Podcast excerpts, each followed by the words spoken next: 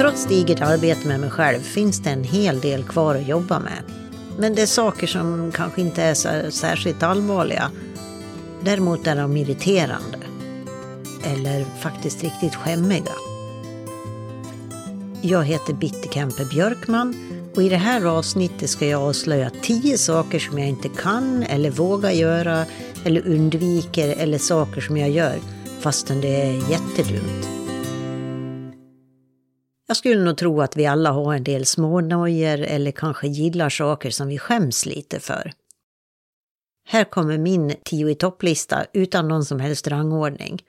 Varje punkt på listan åtföljs av en beskrivning av symptom samt förslag på lösning. Yksi. Höjdskräck. Min mamma sydde många av mina kläder när jag var liten.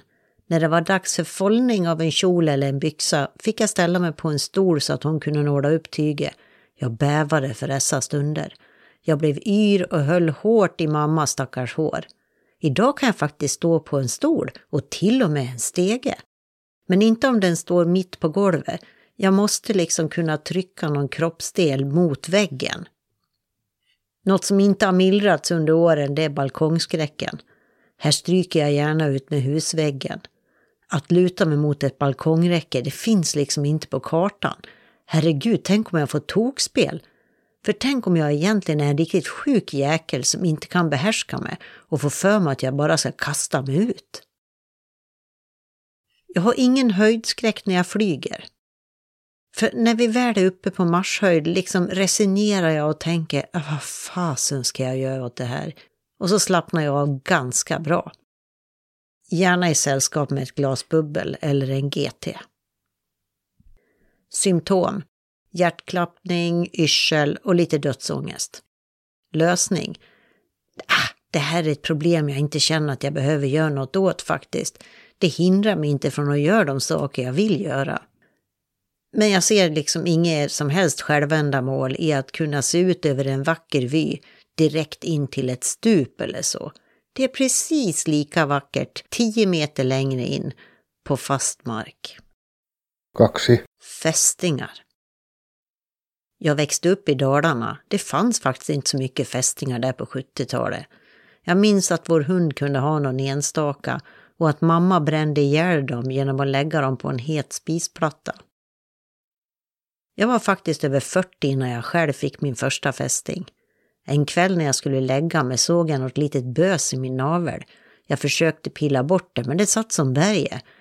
När insikten om att det var en fästing dök upp i mitt huvud ropade jag på min man med en röst som hade platsat i Exorcisten. Min man, som är min totala motsats och därmed lugn som en filbunke, konstaterade enkelt att det var en fästing, hämtade en pincett och tog bort den. Jag vet inte vad det är jag tycker är så vidrigt med fästingar, men de liksom invaderar ju min kropp. Och blotta tanken på att de sitter fast där och suger mitt blod och sväller och är äckliga och sprider sjukdom gör att jag mår illa. En gång när jag var ensam hemma hittade jag en fästing på min hund. I mitt panikslagna tillstånd hittade jag ingen pincett, så det där lilla äcklet fick jag istället loss med en tång från verktygslådan. Observera att inga djur skadades vid det tillfället. Förutom fästingen då. Symptom. Grava äckelkänslor och tuppskinn. Lösning. Undvika närkontakt med djur samt inte vistas i skärgården och skogen. Det blir ju lite trist så jag lyckas inte alltid med det. Kolme. Fick parkering. Jag tog körkort på det tidiga 80-talet. Pappa var den som tog hand om själva instruerandet. Bilkörningen med honom var som att vara ute på ett militärt uppdrag. Han var pedantisk med hur saker skulle göras och krävde att jag lydde order utan att ifrågasätta. Vilket givetvis var bra, för jag fixade uppkörningen på första försöket. Men jag fick aldrig lära mig fickparkera. Jag har ingen aning om varför. De få gånger jag har försökt fickparkera har det ärligen sagt gått åt helvete. Så min goda vän Marit tog på sig uppgiften att lära mig fickparkera när jag bodde i Palma. I Palma måste man kunna fickparkera om man vill använda bilen helt fritt. Det är trångt, det är stökigt, det är repade bilar, det är helvetet på jorden parkeringsmässigt sett. Hon hade en ängels tålamod och jag gjorde faktiskt en del framsteg. Men all kunskap och allt mod rann ur mig när jag provade och inte lyckades få till det på egen hand. Symptom. Hjärtklappning, ilska och kallsvettningar. Allt grundat i en känsla av annalkande katastrof. Typ i paritet med jordens undergång. Lösning. Anmäla mig till en körskola och lära mig fickparkera, faktiskt. För det här hindrar ju mig från att göra precis som jag vill. Neljä. Köra i stadstrafik och i rusningstrafik. Ja, ni. Jag bor i Danderyd strax norr om Stockholm. Här kan jag köra utan problem. Men om jag ens tänker tanken på att ta bilen in till stan blir jag stel som en pinne och hjärnan liksom slutar funka. Jag kan eventuellt överväga att köra in i stan en söndag morgon runt fyra snåre. Eventuellt. Men när andra är ute och åker, nej. Ett grundläggande problem här är att jag inte hittar i Stockholm. Men min bil har världens bästa GPS, mycket pedagogisk är den också och tydlig. Men alla vägarbeten och cykelfiler och återvändsgränder och folk som ska gå över på gatan och vimla runt, nej. När det gäller rusningstrafik överlag så är det den totala stressnivån som ställer till det för mig. Det är något så hetsigt och irriterat över rusningstrafik. Jag kan liksom känna den både fysiskt och psykiskt. Och det här märker jag av även när det gäller tunnelbanan. För många år sedan pendlade jag mellan Mariefred och Stockholm. Och fy bubblan säger jag bara. Allra värst var det på centralstationen när jag skulle hem på fredagar. Folk sprang omkring som yra höns och var superstressade. Jag tror ärligt talat att det inte är ett dugg nyttigt att vistas så mycket i en sån miljö. Kroppen och hjärnan måste ju tro att de konstant är i fara och adrenalinet pumpar för att man ska vara beredd för att fly för livet. Symptom, hög puls, kallsvett, ja så känner jag mig som jag bara vill rymma. Lösning. Anlita en KBT-terapeut. Seriöst alltså. Jag kommer att göra det. För det här inskränker verkligen på min rörelsefrihet. Viisi. Mingla. Det här tror jag förvånar många. Jag är öppen och lättpratad och jag gillar att träffa nya människor. Men jag är sämst i världen på att ta den första kontakten på mingel eller fester. Inte om jag själv är värd, för då har jag ju en uppgift. Att se till att alla trivs och har det bra.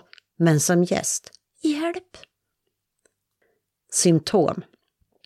Handsvett och kindkramp. Jag anstränger mig till det yttersta för att det inte ska synas att jag är stel av skräck. Jag tänker att jag måste le och anstränger mig att göra det så mycket att jag får kramp i kinderna. Lösning. Ingen aning. Haka fast vid någon jag känner som en kardborre. Inte så roligt för den som får ha mig i haserna hela tiden. En nödlösning är ju att se till att jag konstant har något att dricka för att inte bara stå där rakt upp och ner. Men min empiriska erfarenhet har visat att det bara leder till att jag blir berusad. Och det har jag faktiskt tröttnat på att vara. Kuusi. Jag kan inte titta på vissa sorters filmer. Det här är en ren och skär försvarsmekanism. Jag fixar inte mörka filmer och serier där folk och djur råkar ut för all världens orättvisor, elände och våld. Jag kan se dokumentärer om krig och kriminalitet. Men dramatiseringar med skyttegravar, skjutningar och lidande, nej tack. Skräckfilmer går också bort. Symptom. Jag sitter och är rädd, känner mig sorgsen och ledsen, blir förbannad och lider kval. Lösning. Jag är helt ointresserad av att göra något åt det här. Jag vill helt enkelt inte bli matad med misär. Seitsemän. Lättsmält skräp-tv och dito-filmer. My 600 pounds life. Alltså vad är det med den där serien som gör att jag dras till den som en fluga till flugpapper? Jag älskar baksmällan-filmerna också. Romcom. Förlossnings-tv. Åh, oh, som jag bölar. Kattfilmer på Youtube. Symptom. Fånigt leende, varmt hjärta och lite sådär lagom småchockad ibland. Empati och glädjegråter. Lösning. Nej, jag vill inte lösa det här faktiskt. Kahdeksan. Jag snusar. Jag började röka när jag var 15. På den tiden fanns det rökrutor på skolorna och hur sjukt var inte det? Jag slutade röka 2006 och har inte tagit ett enda bloss sedan dess. Däremot började jag snusa istället. Små portionspåsar. Jag är helt på det klara med att jag ersatt ett beroende med ett annat. Men jag är fortfarande så överlycklig för att jag inte röker längre. Rökning är fruktansvärt äckligt och förpestar tillvaron för andra och är mycket skadligare än snus. Symptom? Inga. Tror jag. Lösning? Det är säkert hälsosamt överlag att göra sig av med beroenden. Jag har faktiskt noll motivation dock. Och jag vilar tills vidare i det faktum att jag inte röker. Yhdeksän. Äventyr? Jag är ingen äventyrare. Äventyr som innebär någon slags helgalen kroppsaktivitet som att till exempel klättra i berg eller åka jättefort med vad som helst, terrängcykling. Nej, jag har aldrig ägnat mig åt att söka efter sådana kickar. Jag har precis inget som helst behov av det. Annat som platsar på den här listan är bungyjump, ziplines och det där uppskjute och slänggungan på Gröna Lund. Däremot hoppar jag gärna på andra slags äventyr och utmaningar.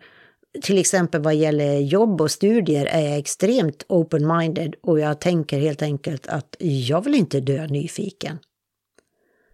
Symptom totalt avståndstagande, ilska, att högt och tydligt säga nej.